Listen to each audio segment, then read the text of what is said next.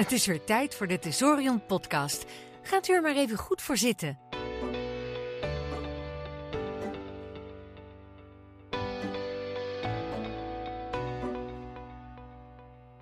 Vijf tegenstellingen. Fiat of Ferrari? Of Ferrari. Eigen telefoon of burner mee naar de Olympics? Burner. Open data of closed intelligence? Closed Intelligence. Mens of AI? AI. Local admin of managed laptop? Managed laptop. Dankjewel. Hallo, leuk dat je luistert. Uh, ik ben Lex Borger, security consultant bij Tesorion en ik zit hier vandaag met Sebastiaan Bak van CyberReason. Sebastiaan, misschien kun jij wat vertellen over jezelf? Ja, uh, goed. Ik ben werkzaam bij CyberReason momenteel als principal. Uh, ik zit inmiddels een jaar of 28 in de cybersecurity industrie. Ja, daar hebben we eigenlijk alle facetten wel gezien. Van de military, uh, nation state staal uh, tot grote enterprises, visie, strategie, operation. En, ja, daar hou ik me meestal mee bezig. Een hele interessante loopbaan lijkt me. Dit heeft, heeft zijn pieken en dalen gekend en, en uh, spannende episodes zeker. nu op, op middelbare leeftijd doen we het ietsje rustiger aan. Oei, als jij zegt middelbare leeftijd, wat ben ik dan? nou, inmiddels zijn we allebei rot in het vak, denk ik. Ja.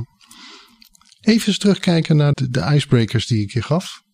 Fiat of Ferrari? Je zei vrij snel Ferrari. Ja. Ben jij snel iemand? Ja, ik hou van snelheid. Ik hou van snelle dingen. Ik hou van dingen waar goed over is nagedacht en die goed geëngineerd zijn. Dat mag ik graag. Ik, uh, ik race uh, zelf uh, motoren ook.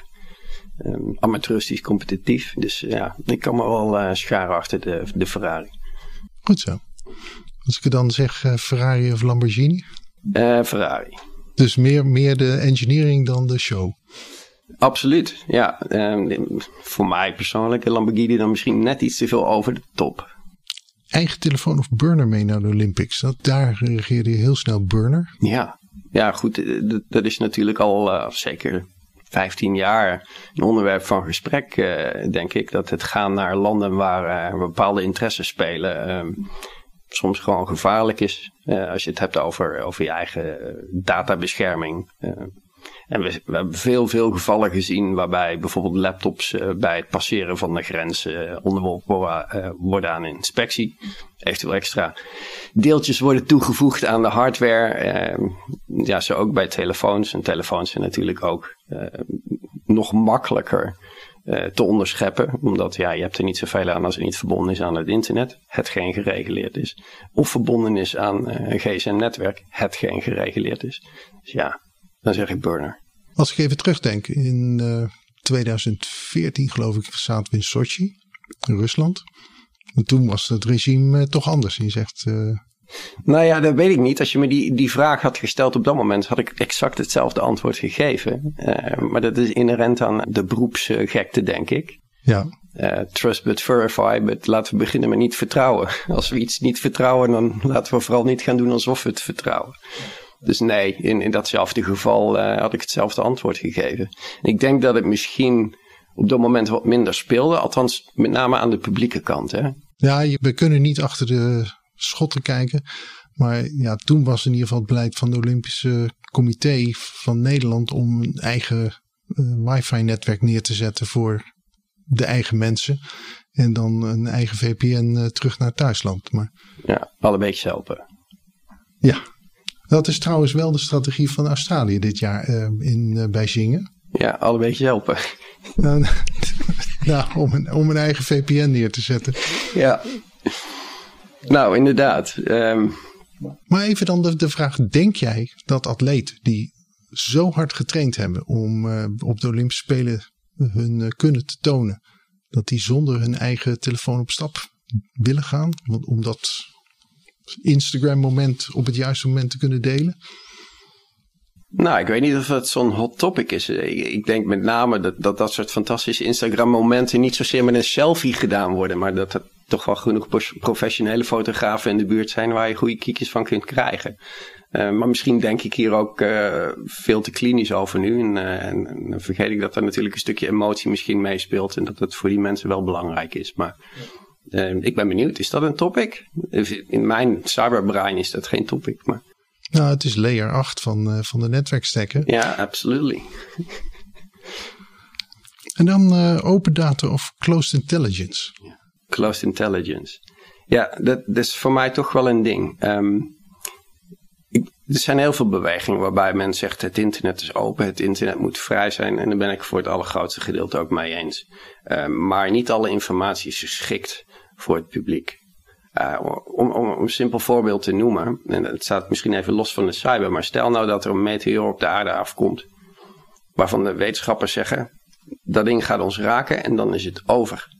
Ja. heb je de keuze, gaan we het wereldkundig maken, ja of nee?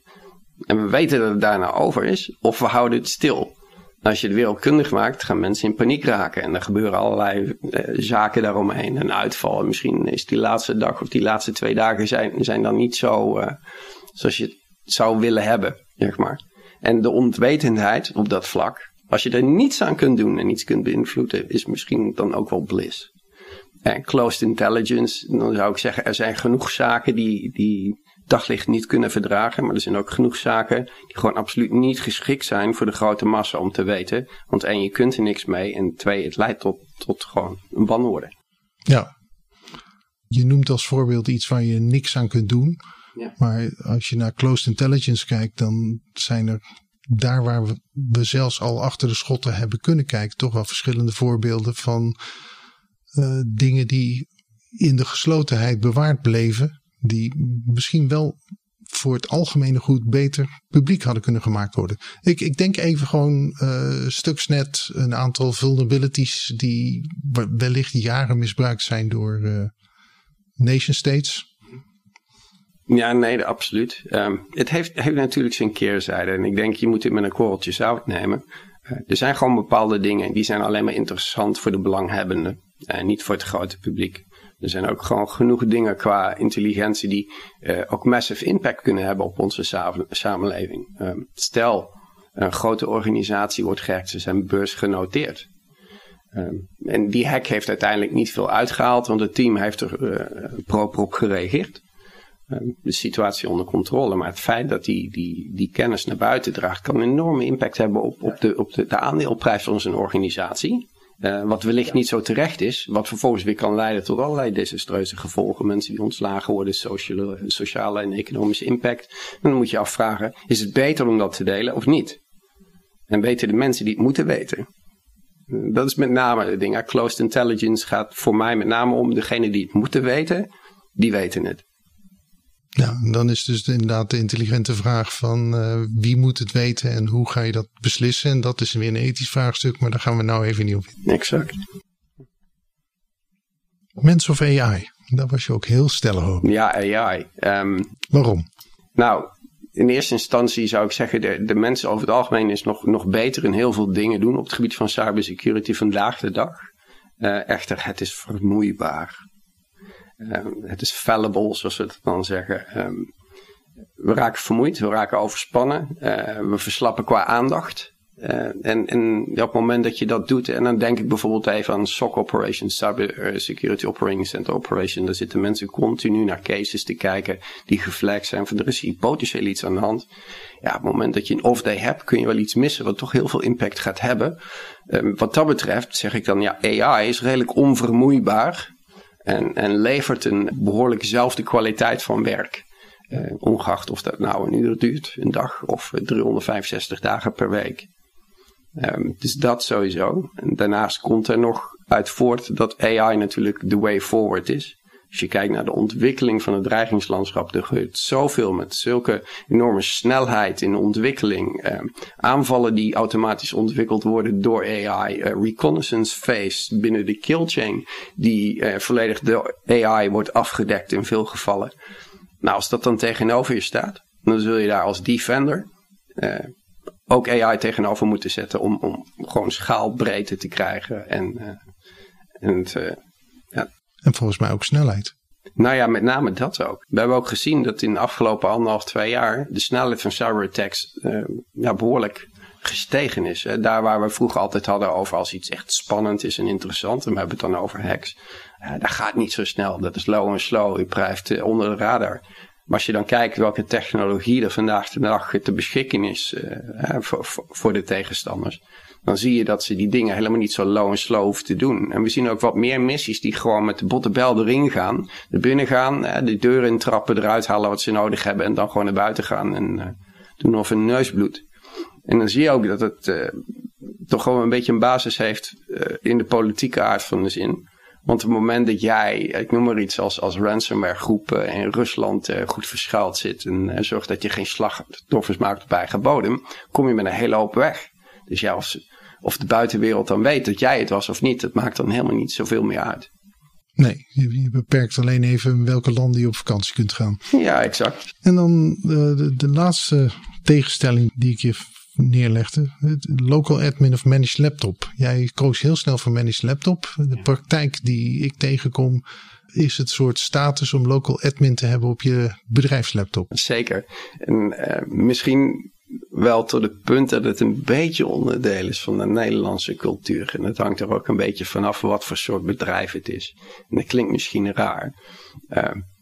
Maar om een voorbeeldje te noemen het is bijna een secundaire arbeidsvoorwaarde geworden. En dat was het zeker in, in het verleden. Ik kan me nog herinneren, dat was het logica die op een gegeven moment enorm aan het recruiten was. En dat je bij de autodealer uh, je interview had en daar gewoon je leaseauto uh, te plekke kon aftekenen. En die laptop uh, was dan ook een onderdeel ervan en de telefoon van de zaak. Vandaag de dag vinden we normaal. Natuurlijk heb je een laptop, maar toen was dat nog niet zo. Maar dat is wel mijn laptop. En ik wil heel graag mijn kruidvat foto-app kunnen installeren, want dat is belangrijk. Het is, het is bijna een secundaire arbeidsvoorwaarde. Dus vanuit dat perspectief iets kunnen doen op zo'n machine is natuurlijk desirable voor de mens. Maar vanuit de cybersecurity perspectief, absoluut niet. En vanuit dat perspectief kijk ik ernaar. Zeg ik MSSP gereguleerd, standaarden. En ik zeg niet dat dat de heilige graal is. Want dat weten we ook allemaal dat het niet zo is. Maar het is een behoorlijke reductie van de attack service. En zeker als je ook local admin rights afstript van een machine. Nou, grofweg is de statistiek dat dan de tech service zo'n beetje 93% verminderd is. Hè? Goed, dat is een mooie statistiek. Dat is een hele mooie statistiek. Dus ja, 93% vermindering daarvan vind ik een reden genoeg als organisatie om te zeggen daar kiezen we voor. Ja, dat is vrek dik bij die 100% uh, waarvan we altijd zeggen van ja, je kunt nooit jezelf 100% beveiligen. Met simpele dingen zoals basishygiëne, het wegnemen van local admins, uh, rechten en, en uh, zorgen dat je, je patch systeem redelijk goed op orde is. Ja. Groot slagen mee te behalen. Het zal nooit 100% zijn, maar ja, nee, absoluut. Nee, je patches bijhouden is een, een hele grote om ook je tech service te verlagen. Dat is, dat is bewezen. Absoluut. En dan heb ik nog een paar uh, kernwoorden voor je. Nou, eerst zeggen zero trust. Hype or, uh, or content. Nou ja, goed. Um, ik, voor mij ziet het eruit als een hype. Um, is het iets wat, wat al heel lang geleden ontstaan is. En als je enig common sense gebruikt, dan, is, dan kun je niet anders zien dan zo. En wat ik daarmee bedoel is, natuurlijk doe je je basishygiëne. En zorg je dat, als je het hebt over je service en je workstations, uh, dat je een least privilege uh, approach hebt. Um, stel alleen open wat je daadwerkelijk gebruikt. Stel het open naar de personen die het mogen gebruiken. Door de processen die het mogen gebruiken. Um, ja, ik vind dat eigenlijk gewoon een basisrandvoorwaarde om, om, om goed op, op operationeel niveau te werken. Op, op een veilig niveau. Nou plakken we daar nu ineens een term aan. Zero trust. Maar volgens mij begon het al met het groene boekje. Het zijn eigenlijk allemaal security principes. En, en ja, het Jericho Forum heeft, heeft daar een heel manifest over gemaakt. Daar, daar hebben we het niet meer over. Het Jericho Forum heeft ook gezegd van wij hebben de awareness bereikt die we bereikt en die hebben zichzelf opgegeven. Nou, het, het is inderdaad lastig dat Zero Trust op dit moment een, een aandachtsgebied is. En aan de andere kant uh, heb je het als cyber-expert het gevoel van ja, het is oude wijn in nieuwe zakken. Nou, dat vind ik een mooie uitdrukking. En voor mij is dat zeker ook wel. Uh, de, de, het eerste moment dat ik er heel serieus mee bezig was, dat was met een van de grote multinationals uh, die die zetel heeft hier in Nederland. En, maar dan hebben we het over 2008. Ja. Waarbij we heel specifiek al keken naar, oké, okay, we, hebben, we hebben services die services draaien. We ontsluiten de services, maar alleen maar naar de gedeelten waar we verwachten dat het moet gebeuren. En daar zitten daar files tussen en IPS'en en doen we al inspectie over. En dan kijken we ook naar de persoon of de user accounts die dan toegang mogen hebben. Dus we waren er al heel erg mee bezig. En op dat moment hadden we ook al gezegd, weet je, we beschouwen het hele enterprise netwerk als gewoon not trusted. Laten we daar nou eens vanuit gaan. Dus we bouwen die endpoints ook zo op alsof het in de buitenwereld zich beweegt. Um, als je in 2008 er al mee bezig bent en dat gewoon een de facto standaard is. Ja, vind ik in 2022 uh, eh, keihard schreeuwen. Iedereen moet zero trust doen. Een beetje mosterd naar de maaltijd. Desalniettemin, absoluut nodig. Maar het is voor mij niet, niet het ding wat zo groot is als dat het de hype het doet lijken. Ja. Ik vind het niet meer dan normaal. Natuurlijk segmenteer je. Maar de hype illustreert denk ik dat het nou pas algemeen denken wordt. Buiten de cybersecurity expertise om. Ja, zijn we, zijn we toch 14 jaar later hè? Ja, dat klopt. Maar dan pak ik het andere zero woord, zero day. Zero day. Oh ja, dat ligt, uh, ligt close to my heart om het maar zo te zeggen. Um, zero days. Een heel mooi onderwerp. Ehm, we hebben natuurlijk onlangs weer een, een, een goed voorbeeld gezien, Log4j vulnerability. En dan staat de wereld in brand uh, op dat moment. Um, het eerste wat je moet doen is indexeren van joh, treft het mij? En wat doe je daarna om het te dichten? Het brengt allerlei operationele issues met zich mee, want ja, die functies kun je niet zomaar uitzetten in sommige gevallen natuurlijk. Maar het COD op zich ja, is echt een mooi schemergebied. er zijn dingen die natuurlijk publiek bekend worden. Maar een heel groot gedeelte daarvan beweegt zich natuurlijk in de onderwereld. Eh, waaronder in cyberarsenals. Ja, en je hebt de schemerwereld waarbij je dus ook ziet dat bedrijven zoals Celebrite die gewoon adverteren van wij zijn op zoek naar zero days in punt, punt, punt. Absoluut. Ja, het is een industrie. En op het moment dat jij ook goed bent qua skillset om, om zero days te vinden en te ontwikkelen, uh, valt er ook goed geld mee te verdienen. En de hoop is dat die dan afgeleverd worden aan, aan, de consumenten die daar een nobel doel mee hebben natuurlijk. Uh, en wat dat betreft zie je ook wel de afgelopen jaren dat er natuurlijk een aantal programma's ontstaan zijn. Ook bij de hele grote uh, internationals. Denk aan Facebook en Apple en, uh, en Twitter en, en, Microsoft. Waarbij je dus zero-day programma's hebt waar je beloond wordt voor het vinden en, responsible disclosure op die zero. Dus ik vind dat een hele goede ontwikkeling. Ik vind het ook heel goed om te zien dat uh, er toch wel serieuze bedragen worden uitgekeerd voor het kenbaar maken van dit soort days. Want als je dat niet doet, als het allemaal voor een habbekrats uh, kan, ja, datzelfde ding kun je flippen op, uh, op de dark market voor 100, 200, 300.000 dollar of een miljoen. Ja, dat klopt. Uh, je moet het niet te makkelijk maken, maar het is ontzettend moeilijk om in de, de witte markt een zero day te melden en dan een beloning te krijgen die maar een tiende is van wat je op de zwarte markt zou kunnen krijgen. Dat, dat zet ook al een beroep op uh, de, e de, ethiek van uh, onderzoekers. Nou, absoluut. kijk, en er zit natuurlijk ook nog een beetje een nadeel aan. als jij met, met nobele motivaties bezig bent met het ontdekken van zero days en dan vervolgens daar uh, enige vorm van responsible disclosure uh, aan wil toekennen, zijn er ook nog genoeg bedrijven die dat helemaal niet op die manier waarderen. En we zien ook gewoon dat het nog steeds vandaag de dag voor dit soort onderzoekers soms gevaarlijk is om dit te doen. En soms kun je beter je mond houden. Als je weet dat een organisatie gewoon verschillende malen zo'n onderzoek heeft aangeklaagd. En dat zijn geen leuke rechtszaken hoor. Uh, als je de FBI in je nek hebt, dan slaap je echt wel slechter voor dit soort dingen. Uh, en ik denk dat we daar als industrie, maar ook als overheid, gewoon beter over na moeten denken. Hoe kunnen we dit soort mensen met goede bedoelingen beter beschermen?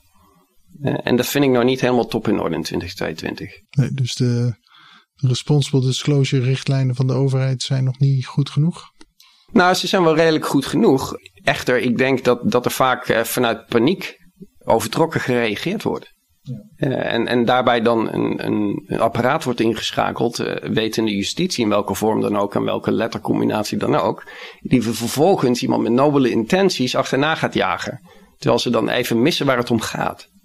Komt iemand naar voren, er is iets ernstigs aan de hand, wat impact kan hebben op onze globale economie of, of jullie als organisatie. Dan moet je waarderen, dan moet je met twee handen aangrijpen, en dan moet je naar luisteren en, en, en investeren. En daar lering uit trekken en dan niet een drieletterig orgaan afsturen op zo'n persoon. Dat is nog steeds wel een beetje realiteit. En dat zie je ook in, in de hacker community. En, en overigens, als ik zeg hacker, heb ik daar geen negatieve connotatie bij. Ja? Voor mij is dat iemand met een skillset. Hoe je hem gebruikt is een ander ding. Um, maar dan merk je toch ook wel dat, dat de mensen het nog terughoudendheid hebben. En dan wel goed aan dit soort programma's, hè, um, waar je dan betaald voor kan worden. Daar zijn de richtlijnen heel helder. Kun je je submissies ook doen. En de represailles daaromtrent uh, zijn aanzienlijk minder of gewoon niet. Uh, het is helder wat we er doen. Maar op het moment dat je out of the blue iets ontdekt en, en dan aansluiting zoekt, dat is toch wel lastiger. Daar wordt nog niet goed mee omgegaan. Nee. Uh, als je dan van zero days uh, denkt, van ja, zero days hebben datalekken tot gevolg.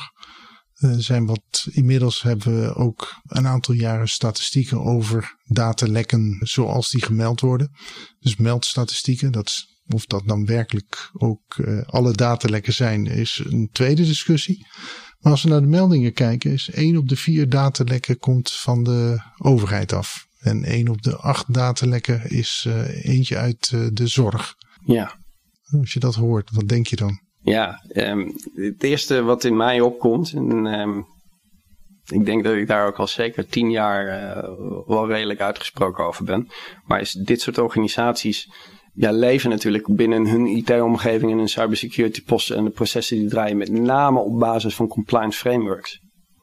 En als je dan even gaat reverse engineeren, van oké, we moeten compliant zijn naar aanleiding van standaard A, B en C is op het enige moment in tijd gedefinieerd wat die standaard is. Daar hebben knappe koppen over nagedacht. En dat proces om daar te komen heeft een bepaalde tijd geduurd. Dus op een bepaald moment in tijd hebben we besloten we moeten iets doen aan een probleem. We willen daar een richtlijn voor, voor afspreken met z'n allen om daaraan te conformeren. Zodat we qua security en posture het beter doen. En dit is de minimale standaard en dan vinden we het oké. Alleen dat moment waarop we dat besluiten ligt ver terug in de tijd. En als je kijkt naar cybersecurity changes, binnen een jaar kunnen er radicale changes geweest zijn. Wat impact heeft op hoe je je cybersecurity keten moet drijven. Welke aanpassingen je moet maken. Misschien andere technologie of je procesveranderingen moet doorvoeren. En dat heeft helemaal niks met compliance te maken. En soms leunen we te veel op die compliancy. Hebben we daar vertrouwen in? En vooral op het moment dat je binnen executive chain gaat praten met een organisatie, met een CIO en een CFO. Het wordt opgelegd aan hun. En voor hun is dat de markt die ze moeten behalen. Ja. Dus als je het een cyberpersoon vraagt, die kijkt naar die compliancy standaard, die zegt zwaar onder de maat. En het is meer. Uh, ja, en, en, dan van die CFO krijg je de opdracht van doe die compliance uh, met uh, de minste middelen die je kunt. En dan, dan ga je dus ook nog eens de, de grens opzoeken. Nou, misschien een kromme vergelijking, maar in, in de, de, de COVID-tijd ook gezien van ja, compliant zijn aan de COVID-regels kan heel creatief gepakt worden. kroegen die om vijf uur morgens open gaan of een kapper waar geschonken wordt. Ja, nou, ik denk dat het geldt voor alle vormen van regulatie. Uh, en wij zijn als mensen natuurlijk geneigd om precies te weten waar de lijntjes liggen. En uh, in vele gevallen moet je met een treintje of een voet eroverheen, uh, voordat je realiseert dat je eroverheen bent. Dus ja, dat is altijd toch wel misschien een beetje een spelletje. Als je het hebt over compliance, heb je het over regels. En in de aard van de mens ligt toch wel een beetje om aan die regels te tornen, dat denk ik. En daarom denk ik ook dat het hele compliance framework gewoon niet zo goed werkt. Ik denk dat je beter uh, um, aspiraties en motivaties kunt afspreken van wat zijn de doelstellingen waar we ons uh, aan, aan moeten conformeren. welke KPI's leggen we daar ten over bijvoorbeeld. en dan heb ik het over simpele dingen. plakken ze een nummertje op de MTTD, de mean time to detect. Hoe snel moet jij als organisatie in staat zijn om te zien dat er iets misgaat binnen je organisatie? Eh, en als je, als je simpel daarover hebt, dan moet je ook gewoon reverse engineeren en terugwerken. Ja, wat voor soort technologie heb ik dan nodig om dat te kunnen behalen? Welke processen, welke skillsets heb ik dan nodig? En dan vind je uiteindelijk, als je op die manier gaat sturen, dat al die compliance checkboxes ook wel afgevinkt worden. Ja. En dan zijn we bezig met waar het om gaat. Instead of, in plaats van, een stukje regelgeving wat achterhaald is. Nou, dat vind ik een mooie afsluitende gedachte. Oh jee, snapt iedereen dit? Hierbij kijken we even terug op ons gesprek van net. We proberen dit uit te leggen aan iemand die mogelijkerwijs eh, vond dat we wat snel eh, van stapel liepen. Als ik even terugdenk aan waar we het net over gehad hebben, dan hebben we het gehad over ja, hoe snel de cybersecurity wereld is en hoe snel de cybersecurity wereld verandert. En vooral aan de aanvalskant. En dat we daar aan de verdedigingskant uh, ook een, een goed antwoord op moeten hebben en moeten zorgen dat we dat ook kunnen houden. Een ander leerpunt wat ik meepak is, we hebben een hele hoop principes ontwikkeld. Die principes om te beveiligen, die kennen we eigenlijk al jaren. Waar we soms uh, last mee hebben is om die principes dan ook werkelijk toe te passen, omdat ze niet passen in onze compliance hoekjes, wat te veel geld kosten, wat te veel tijd kosten. Maar dat uiteindelijk dat we erachter komen dat al die shortcuts uiteindelijk niet ons helpen om een uh, veilige omgeving te hebben. Ja, nee, maar dat is natuurlijk het basisprincipe. Hè? Ja, ik, ik zeg dan altijd goud groene boekje en dan moet je ingewijden zijn en al langer in de industrie zitten om te begrijpen waar dat vandaan komt. Maar dat is zeg maar de, de, de IT Security Bible en dan hebben we het over twintig jaar terug. Dat is het begin. Als je, als je, als je volgens het groene boekje werkte, de principes uh, van het CIA, en dat bedoel ik niet de Intelligence Agency, maar uh, confidentiality, integrity en accountability. Uh, en dat, dat is eigenlijk natuurlijk IT security slash uh, rijkend in cyber. Waarin beschreven staat hoe je om moet gaan met informatie en, en de beschikbaarheid daarvan en uh, de vertrouwelijkheid daarvan. Nou, en als je daar even over nadenkt, ook als leek, van als ik wil dat, dat iets beschikbaar is, dan moet ik zorgen dat er enige vorm van backup zijn of beveiliging, dat die informatie niet verloren raakt. En als je het hebt over integrity, dat houdt het in. Alleen de mensen die eraan zouden moeten zitten, het recht hebben, zouden, zouden dat dus moeten kunnen. Dat is zo'n basisprincipe. Uh, uh, accountability. En dan gaat het er ook, ook een stuk daar weer over. Maar als je erover nadenkt, dan reguleert dat eigenlijk alles wat je doet binnen IT security. Je hebt toegang als je toegang moet hebben. En op die manier moet je zaken inrichten. En of het nou gaat over service of services, een applicatie of simpelweg het papieren archief uh, wat we hebben. Niet iedereen mag maar zomaar het papieren archief in. Sebastian, dankjewel. Graag gedaan.